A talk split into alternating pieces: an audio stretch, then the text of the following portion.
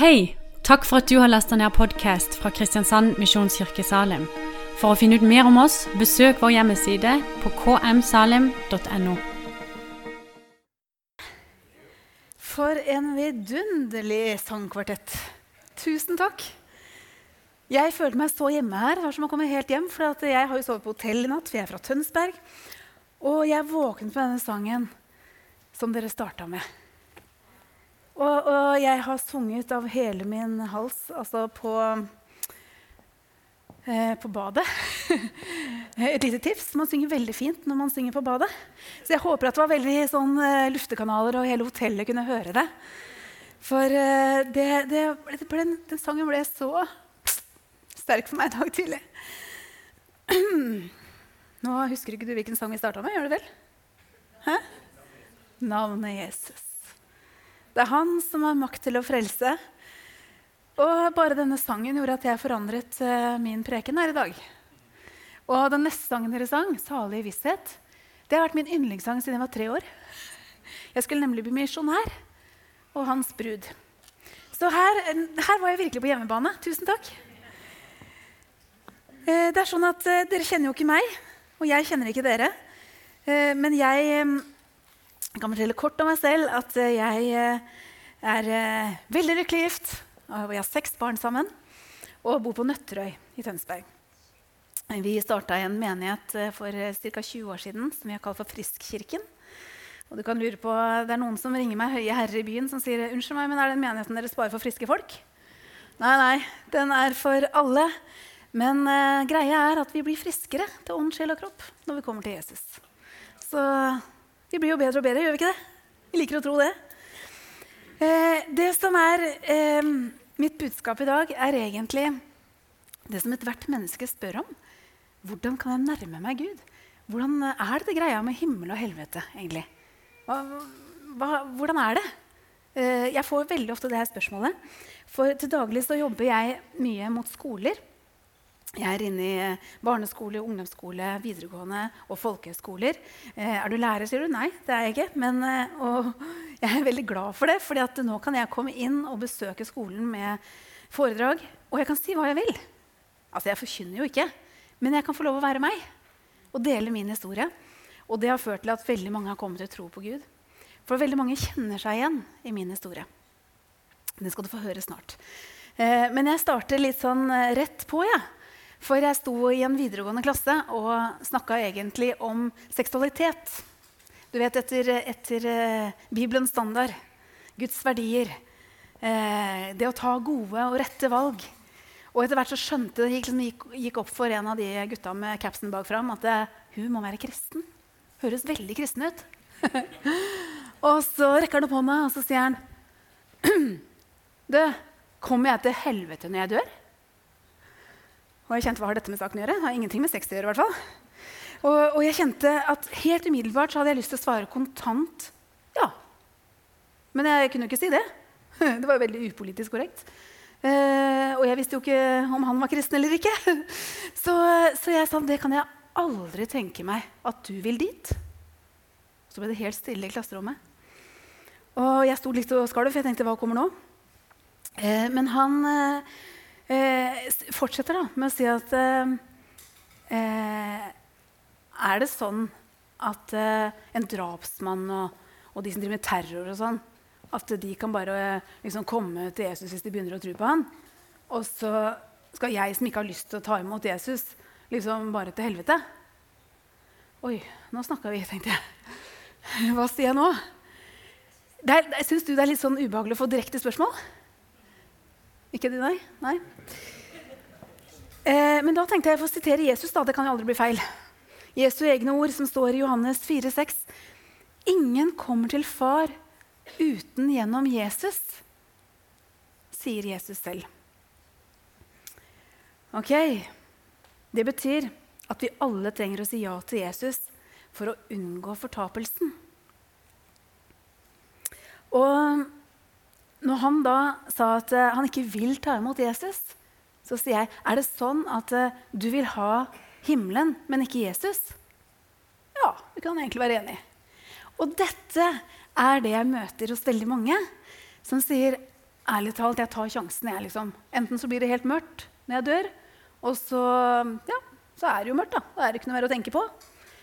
Eller så kan jeg ikke tenke meg liksom, at Gud er så eh, dum at han vil at noen skal til helvete. Hvis Gud virkelig er god. Det er et ganske relevant spørsmål. Syns ikke dere òg? Man tenker liksom ha, Du kan ikke si noe annet enn at Gud er god. Så det, det er egentlig to eh, overbevisninger om himmelen. Og den ene Altså begge er feil, da. Men begge eh, Den ene, mener jeg, sier det at eh, himmelen er belønningen for alle snille folk. De som ikke har liksom, surra seg bort i Taliban, eller de, de som er uh, snille og greie og gjør så godt de kan og bruker tanntråd hver dag. ikke sant? Og den andre overbevisningen det er at alle skal videre til et bedre sted der hvor de møtes kjente og kjære den dagen de dør.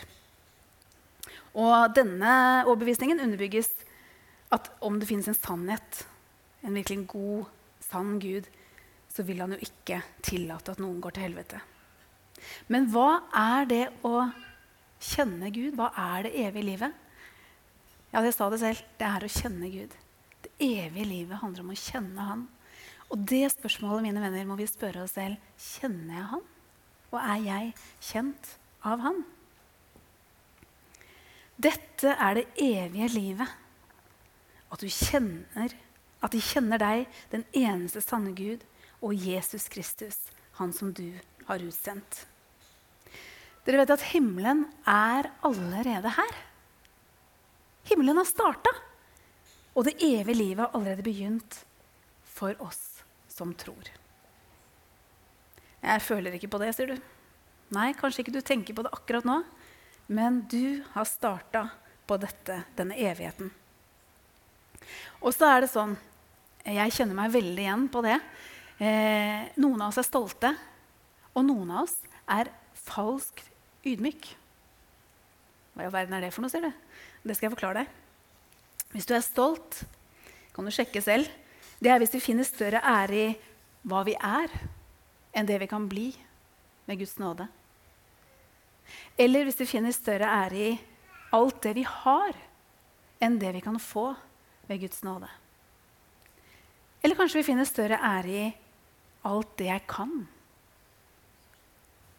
enn det jeg kan lære ved Hans nåde.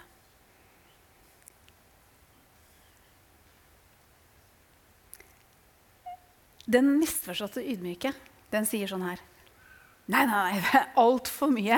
Altså, skjønner, det er ikke noe for med meg. Jeg er bare et null. Jeg. Jeg, jeg kan ikke ta imot alt det her. Jeg, jeg er ikke verdt det. skjønner du. Det er litt sånn falsk ydmykhet. Men vet du hva Bibelen sier? At Gud står den stolte imot, med den ydmyke gir han Du kan din bibel. Er det ikke nydelig? Har du lyst til å være ydmyk her i dag? Takk for den begeistringen.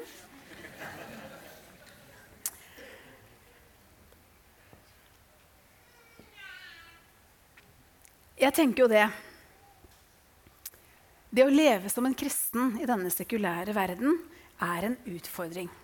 Det syns i hvert fall jeg. Jeg eh, tenker Hva er frihet for deg og meg? Og jeg spurte de hjemme. Eh, og da spurte jeg først mannen min, og så sier han frihet for meg det er å underordne meg sannheten. Guds ord. Hvis jeg alltid snakker sant, så er det godt å leve. Da slipper jeg liksom å å bale med det at jeg liksom må finne på noen løgner. og sånn.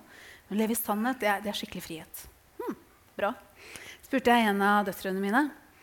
Det må være at eh, ja, det må være at jeg får lov til å bo her gratis. Det er egentlig veldig fint. Uh, og det kan også være det at uh, dere liksom tar hånd om meg, og, og liksom jeg, slipper bekymre, jeg, slipper å bekymre meg for så mye. Liksom. Det, det er skikkelig frihet. Og det er ulike ting som er frihet for oss. Men frihet for meg, det er å ikke prøve seg hardt. Det er veldig mange av oss som tror at det å være kristen handler om å prestere. Men å leve for Han som presterte for oss, det er hva nåde er. Jeg vet ikke om du har lyst til å høre litt om eh, de tre grunnleggende sakene som vi mennesker søker. Det er tre ting som jeg tror du vil kjenne deg igjen på. Det er identitet. De fleste kjemper med identiteten sin. Det er grunnleggende saker i livet, det her. Hvem er jeg, og hva er min verdi? Og så kjemper vi med betydning. Er jeg akseptert av noen? Betyr jeg noe for noen? Og det tredje er innflytelse. Hva er min plass i livet? Hvorfor er jeg til? Og har jeg egentlig en hensikt? Er dere enige, eller? Det er bra. Så langt. Alt dette søker vi for å eie fred i hjertet vårt. Og jeg tenker det at om apotekene hadde funnet opp en pille som kunne gi oss varig fred Jeg tror det ville vært lange køer ved apotekene. Det ville vært utsolgt for lenge siden. Tror du ikke det? For det er det vi alle søker å få fred på innsiden. Forlik deg med ham og få fred. Ved det skal det gode bli deg til del, sier Skriften i Jobbs bok 22, 21. Forlik deg med Gud, ja, og få fred. Hvis du nærmer deg Gud, så vil du oppdage at Gud er en elsker og en frigjører. Og det å overgi, overgi livene våre til ham, det fører til frihet. Fullkommen frihet. Den sønnen får frigjort, blir virkelig fri, sier Skriften. Da oppdager vi at Jesus ikke er en tyrann, men en frelser. Ikke en sjef, men en bror. Og ikke en diktator, men en venn. Men hvem er jeg, da? Hvordan ble jeg kristen? Det vet jeg. Du, takk for at du spurte om det. Det skal du få vite. Fordi at Guds rike er vanskelig å forklare. Du må liksom oppleve det. Og jeg vokste opp i et gudfryktig hjem. vil jeg si. De var ikke kristne. Men hvis du hadde spurt dem, mine foreldre altså, så ville de nok sagt ja, vi er kristne. For de trodde på Jesus, de trodde på Gud, de trodde at Jesus hadde tatt vår synd og, og, stått opp igjen på den tredje dag. De lærte meg å be Fader vår fra jeg var bitte liten. Fra jeg var tre, kan jeg huske det. De satt på sengekanten annenhver kveld, mamma og pappa. Hver kveld i hele oppveksten og ba Fader vår med meg. Og en liten tilleggsbønn hvor jeg måtte be om tilgivelse for ting jeg hadde gjort galt. Den ble lengre og lengre. Men i alle fall så gikk jeg på søndagsskole fra jeg var tre til jeg var tolv. Og jeg trodde jeg hadde alt i orden med Gud. Og jeg husker Søndagsskolelæreren min sa det når jeg var tolv. Da var jeg liksom begynt å bli litt sånn leder i søndagsskolen. Jeg satt på fisker i garn og sånn. ikke sant? Og da sa han det. Du, jenta mi Jeg var jo ikke jenta hans, men det var greit. Han sa, 'Du har et sterkt kall på livet ditt.' Og da ble jeg redd. Jeg tenkte, vil ikke det. Jeg vil bare være som vanlig kristen. Og hva la jeg i det? Jo, jeg hadde en forståelse av at det å være kristen, det var litt sånn ja, privat og litt sånn egen sak som ikke jeg delte med noen. Ingen trengte å vite noe om det. Men hvis jeg valgte å bli liksom litt sånn offentlig kristen, det kalte jeg personlig kristen. Det innebar at jeg leste Bibelen, at jeg ba hver dag, at jeg oppførte meg bra. Skjønner du? Måtte liksom prestere noe. Og etter hvert som eh, man blir liksom rundt 12-13, så står man i dette valget. Alle mennesker gjør det. Alle barn syns det er helt naturlig å snakke om Jesus. har du det? Men så blir vi liksom i den alderen hvor vi liksom tenker ah, er dette sant eller ikke. Skal jeg satse livet mitt på dette? Og jeg husker jeg, jeg var så kalt av Gud. Og når jeg flyttet til eh, Tønsberg med mine foreldre som 16-åring, begynte på videregående, da var jeg, jeg har bare én søster, så jeg og søsteren min var på jakt etter en kirke. Vi hadde gått i TenSing i alle år, og vi ville liksom finne et miljø som vi kunne være i. Og vi besøkte alle statskirkene, eller altså kirken, den norske. Alle vi kunne finne med spir på. da. Ikke en sånn som det her, men en sånn. Og vi tenkte i den kirka som de hilste på oss, der skal vi bli. Det var veldig synd for dem, for det var ingen som hilste på oss. Men jeg fikk liksom ikke helt klarhet i dette. Men en dag på videregående så var det den kjekkeste gutten i klassen. vet du. Han kom og sa Tone Lise, vet du hva som skjedde med meg i går? Nei, få høre. Jeg ble frelst. Jeg bare tenkte Nei, han er jo så kjekk. Oh. Og så går han liksom og blir frelst. Han ødelegger livet sitt. Og det sa jeg, som selv kalte meg kristen. Men ærlig talt, jeg var ikke frelst for meg grenser. Jeg vil ikke bli en sånn med hendene i været som sa halleluja, eller eh, i verste fall falt i gulvet under Guds kraft, eller gjorde alle sånne rare ting. Talte i tunger, f.eks. Var livredd sånne ting. Massesuggesjon kalte pappaen mine. Men han, han var så overbevisende. Han sa det at uh, jeg har funnet Jesus. Og jeg bare tenkte kan du ikke, Hva betyr det egentlig? sier jeg. Det er å bli fri, sa han. Fri fra verden. Fri fra verden? Ja. Jeg vil ikke bli fri fra verden. Jeg vil ikke bli fri fra meg selv engang. Jeg synes jeg var kjempeålreit. Og vi, han begynte å argumentere, og jeg tenkte altså, ikke banner jeg, ikke røyker jeg, ikke drikker jeg alkohol. Det må vel kvalifisere til himmelen, det? Jeg var så selvrettferdig. Jeg tenkte, Hvis jeg blir kristen, sånn personlig kristen, da kommer jeg kanskje til å miste liksom, humøret mitt.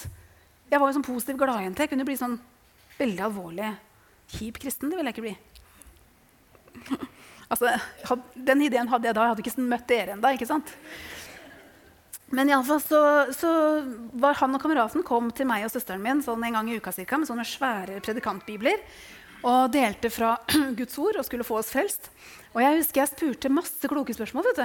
Ja, men hvordan blir jeg det? Hva, hva, hva er overgangen liksom, fra å ikke være frelst til å bli frelst? Hva kan kvalifisere? Liksom? Nei, De hadde ikke helt svar. De var jo nyfrelste, disse gutta. Men de leste fra Høysangen for meg. Jeg skjønte ingenting. Og alle de spørsmålene jeg hadde, det måtte skrives på en liten lapp. Og så gikk de til pastoren ikke sant? og kom tilbake en uke senere og kunne svare på det. Men jeg, jeg fikk liksom, hvor vanskelig kan det bli å være frelst? Jeg, måtte, jeg er frelst, jeg, tenkte jeg. Og en dag så foreslo de at jeg kunne være med og evangelisere. Det gjør jo alle kristne. ikke sant? Ingen problem, tenkte jeg. Jeg blir med. Og i byen vår hadde vi noe som het Matthews House. Det var for eh, alkoholikere og rusmisbrukere. Hvor man delte evangeliet og mat og sånne ting. Og jeg tenkte ja, her har jeg en misjon å gjøre. Så sitter jeg der og snakker med en sliten kar. Og så deler jeg det her som står i Romerne 10,9. Hvis du tror i hjertet ditt og bekjenner med din munn ikke sant? Altså, hva, hva, er det egentlig som står der? Skal vi slå opp, dere? Ja, la oss slå opp. For det, Hvis ikke du har lest dette før Jeg hadde lest det mange ganger uten å forstå det. Men nå leste jeg det for han. Romerne 10,9. For dersom du bekjenner Herren Jesus med din munn og tror i ditt hjerte at Gud har oppreist ham fra de døde, skal du bli frelst. For med hjertet tror en til rettferdighet, og med munnen bekjenner en til frelse. Skriften sier jo 'hver den som tror på ham, skal ikke bli gjort til skamme'. Det er ingen forskjell på jøde og greker. Jeg forklarte denne mannen det er ingen forskjell på deg og meg. For han er den samme herre overalt, over alle. Han er rik nok for alle som kaller på ham. For hver den som påkaller Herrens navn, skal bli frelst. Og vet du hva? Når jeg delte dette med denne karen, så stakk det meg i hjertet. Sånn som når Peter talte evangeliet ikke sant? blant denne. Jeg, jeg, jeg, jeg, tenkte Hva er det som skjer? Hjertet mitt bare begynte å hamre skikkelig. Og jeg, trodde hjertet skulle falle ut. Og jeg sa bare Jeg tror faktisk både du og jeg trenger det her. Jeg tror vi må invitere Jesus inn i livene våre og bli frelst. Ja, greit for meg, sier han. Og jeg tenkte, men Hvordan gjør vi dette her, da? tenkte jeg. Og jeg vet du, ropte på han der kompisen min sa, kan, kan, kan, du komme her og be med oss. Jeg, jeg, tror faktisk vi trenger å bli frelst. Og jeg så et skikkelig smil på han kompisen min. Endelig, liksom. Min første fangst. Nå skal jeg liksom be til frelste. Og denne gutten var så ny at han visste ikke helt, han begynte liksom å nøle litt. Og så sier han «Eh, ja, altså, den bønnen Å, jeg husker ikke helt hvordan den frelsesbønnen er. Men jeg har den på en traktat hjemme. Så hvis du blir med hjem, så kan, liksom, kan vi be der. Og den mannen var ikke med på det. Så jeg tenkte jeg, jeg vil dette. Nå eller aldri. liksom. Og så uh, ropte jeg på søsteren min, som er tre år eldre. Du trenger også å bli frelst, sa jeg. For vi tror vi er frelst. Enten er vi det, eller så blir vi det nå. Prøveprosjekt, ok? Det er veldig greit, det. Og hun var med. Og vi gikk hjem til denne kompisen sammen med disse to gutta. Og jeg husker De var så nervøse. Jeg husker de var helt sånn på gyngende grunn. Jeg, jeg, jeg, tror det er lurt at dere står på knærne og folder hender. Eh, lukker øynene og bare sier akkurat det vi sier, så ikke det blir feil. Og jeg husker jeg tenkte ok, nå er jeg klar. Og jeg husker jeg sa til Jesus på vei dit nå har du din mulighet, Jesus. Nå må du overbevise meg. Om jeg trenger å bli frelst, så vil jeg gi hjertet mitt 100% Hvis jeg allerede er det, så må du vise meg det. Skjønner? Jeg tror det er mange som tenker sånn tror faktisk jeg har alt i orden med Gud.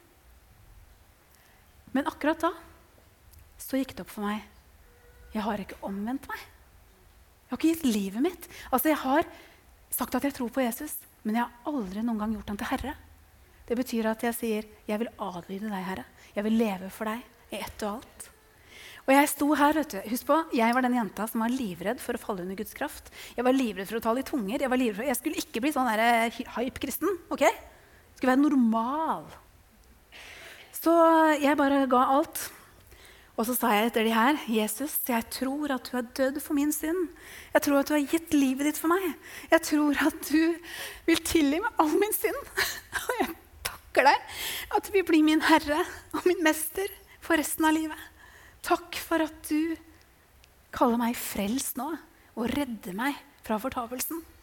Og idet jeg bekjente det, så kom Guds ånd over meg, så jeg falt under Guds kraft. Altså Det var ikke langt, det var bare fra knærne og ned. ikke sant? Men der lå jeg rett ut, og jeg følte Jeg hørte englesang. Du tror sikkert jeg overdriver nå, men Herren han vet at jeg er et følelsesmenneske. Jeg måtte oppleve frelsen. Jeg lå der i 20 minutter, fortalte de gutta. Og jeg kjente at jeg ble vaska rein. For du vet, du rekker å gjøre en del dårlige, teite ting fram til du er 16. Som du har lyst til å begynne på nytt igjen. ikke sant? Du har lyst til å ha blanke ark med fargestifter. Og det var det evangeliet tilbød meg den dagen. Jeg lå der og kjente på en sånn eh, himmelsk flaskekost som vaska meg på innsiden. Og jeg ble helt rein. Og jeg tenkte dette er frelsen. Og så ble jeg fylt med Den hellige ånd. Da skjønte jeg dette er et annerledes liv. Og når jeg åpner øynene etter 20 minutter, så står de og vifter over meg vet du, og sier 'Du lever!' Åh, vi holdt på å ringe ambulanse vi nå. Vi tenkte at vi hadde bedt helt feil bønn. De var helt ferske, ikke sant? Jeg klandrer dem ikke. Men da tenkte jeg jeg skal lære meg det her. Og hjelpe mennesker over terskelen fra døden til livet. Dette er jo livsviktig. Det handler om liv og død, mine venner. Så fra den dagen så begynte jeg å si når noen spurte hva skal du bli når du blir stor, jeg skal bli en tydelig voksenperson som sier ting rett ut. Som forklarer folk hvordan de kan ta gode valg i livet, og hjelper dem å navigere. Så det er jeg blitt, da. Jeg er rundt på skoler og snakker om kjærester, trofasthet og sex. Og så et annet foredrag det handler om hersketeknikker. Hvordan avsløre hersketeknikker. Egentlig et annet ord for mobbing. Det er veldig grunnleggende. Relasjonskompetanse. Det trenger vi alle. Og når man blir kjent med Jesus, da forvandles livet. Så der starta mitt eh, kristenliv. Jeg måtte begynne på bibelskole, slutta videregående. Hadde akkurat begynt i første, Jeg gikk første klasse. Uh, så flytta jeg hjemmefra som eh, akkurat 17-åring. Begynte på Oslo Kristensenter. Og det var som å sitte under sant, Guds forkynnelse. Det ble som en sånn derre Er det sånn det henger sammen? Popkorn vet du, i hjernen. Og bare Yes! Jeg er frelst! Og jeg trodde faktisk det. Jeg er veldig sånn naiv, enkel. Jeg er blond, forresten. Så jeg, når jeg kom fra bibelskolen, jeg svevde liksom på asfalten når jeg skulle til jobb. ikke sant? Og jeg tenkte, når jeg møtte uh, hva skal jeg si, ulykker og ting som skjedde rundt meg Jeg er sikkert den eneste som er frelst her. Det er nok jeg som skal redde denne mannen fra døden. Det er nok jeg som skal, skjønner du? Så jeg var veldig, veldig, Det er veldig enkelt når man er nyfrelst. Det, liksom bare, uh, det fins ingen andre her. Ingen leger, ingen uh, Men jeg fins her. Jeg kan redde verden. Ja. Så jeg har hatt så mange herlige opplevelser. Og så kommer liksom livet på deg, og så, og så, blir man litt mer dannet og politisk korrekt. Har dere merka det òg, eller? Hæ? Altså, Jeg har så mange historier hvor vill og gæren jeg var. Men eh, ville aldri gjort det i dag. Men jeg er helt overbevist om Der hvor jeg er, er det ingen som trenger å være i tvil om hvordan vi kan nærme oss Gud, og hvordan vi kan bli frelst. Det er mitt eneste ansvar. Å presentere evangeliet og så kan mennesket selv få lov å velge. Kan jeg fortelle deg en historie til? Jeg ser ikke klokka der, så hvis jeg holder på for lenge, så Nei da.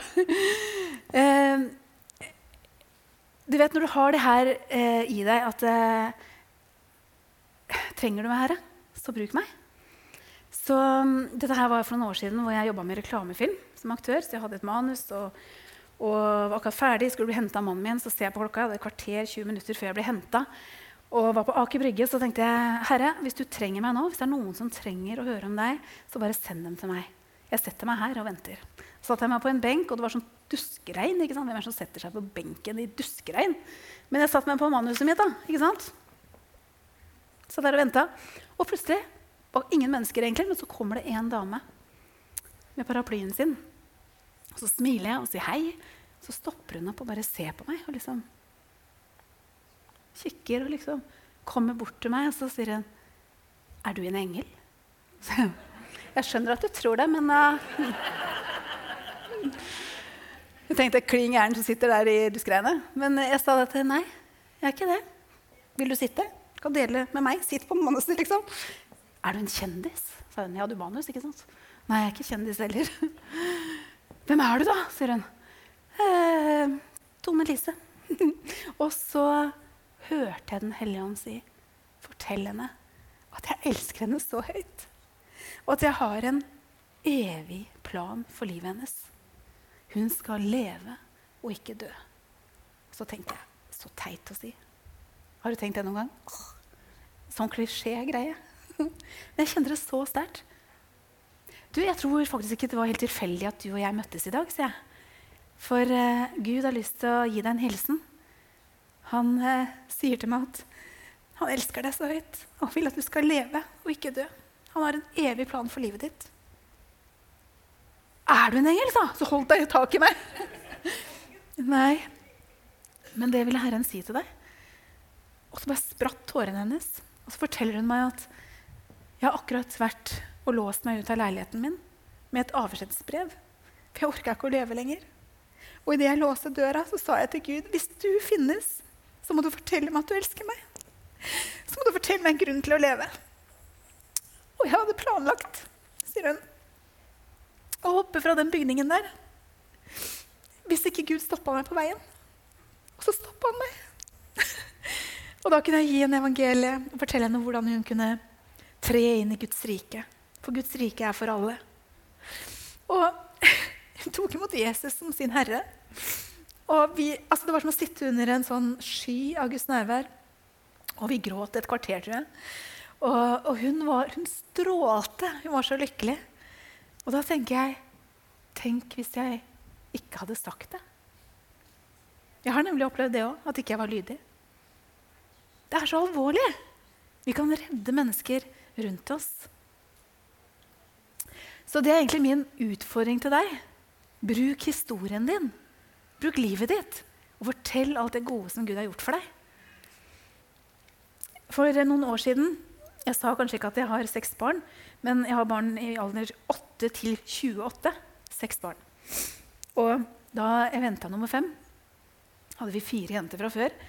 Og så ble jeg alvorlig syk i svangerskapet. Jeg fikk eh, lungeemboli. Det er blodpropp i begge lungene. Over 100 i hver lunge. Så legene kom til denne konklusjonen at vet du hva, vi, vi klarer ikke å redde deg. De ringte hjem til mannen min og sa at vi, vi klarer ikke å redde kona di og ikke barna heller. Så du må belage deg på å leve alene med dine fire små. Det er litt så tøff beskjed å få.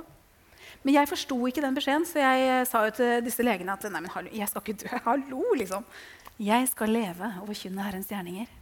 Og det var jeg så overbevist om. Det er klart, Jeg hadde jo tider hvor jeg tenkte ah, det må være deilig bare slippe. Liksom. Goodbye. Men jeg lå på sykehuset i lang tid. Det tar litt tid du, å ta nødvendig røntgen når man er eh, gravid. Så der lå jeg altså. Og så tenkte jeg om jeg så reiser hjem til Herren, skal jeg i hvert fall ha med disse tre damene som ligger på rommet mitt. Den ene var agnostiker, den andre var humanetiker, og den tredje var i hvert fall hva var hun? Ja, ateist. I hvert fall. Så jeg tenkte det får være min misjon. Om det er det siste jeg gjør i livet, skal jeg dele evangeliet med dem. Så sier hun ene til meg, Tone Lise, hvis jeg bare kan bli halvparten så glad som deg, så har jeg lyst til å bli frelst. ok. Ja, men vet du hva? Du kan bli akkurat like glad, sier jeg. Så vi avtalte at hun skulle komme over til senga mi liksom på natta når de andre to sov. Og jeg bare Dette er fantastisk. Og humanetikeren som lå der, hun sa det. Hvis du noen gang kommer ut av dette sykehuset, skal jeg personlig komme hjem og bli frelst hos deg. For du ser sykere ut enn oss begge to. Men alle, tre, alle sammen. Og siste, hun, hun, var litt mer sånn eh, Altså, jeg skal bare følge med og se hva som skjer. Eh, hun eh, som var barnereumatiker, hadde vært det siden hun var 11. Nå var hun 36. Hun hadde jo helt sånn narkomanstemme, skjønner du, for hun hadde gått på morfin hele livet. Og hun kom over til senga mi, og jeg delte evangeliet. Og jeg pleier å si det når man tar imot Jesus. Husk å gi Gud ære for det. Det er Jesus som har frelst deg, ikke jeg.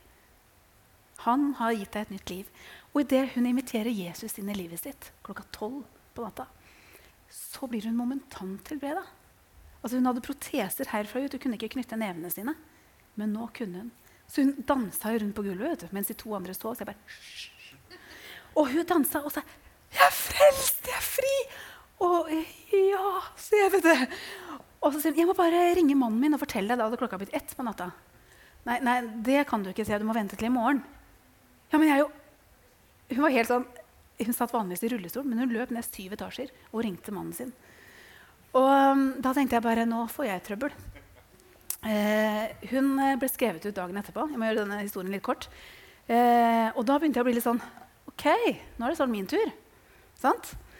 Så leste jeg Bibelen min i 3. Johannes brev, hvor det står det her at eh, eh, Framfor alt så vil jeg at du skal være ved god helse, liksom din sjel har det godt.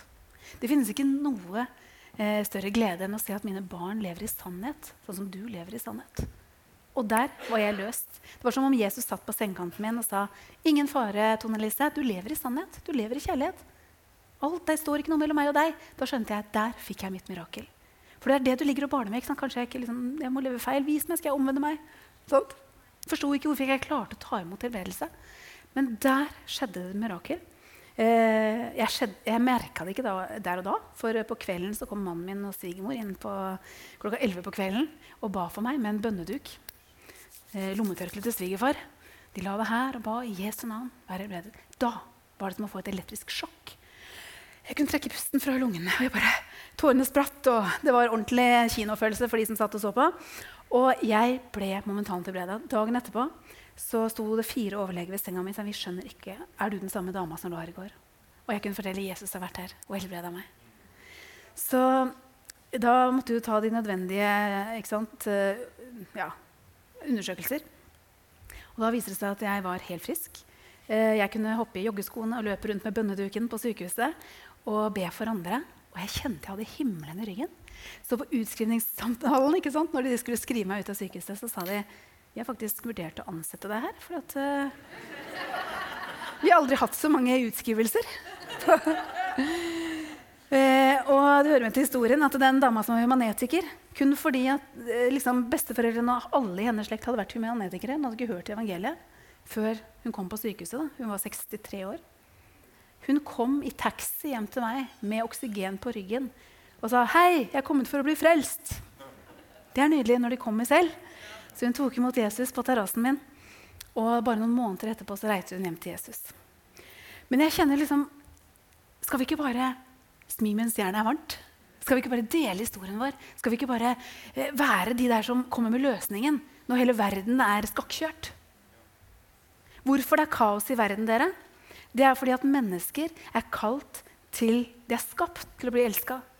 Ting er skapt for å brukes.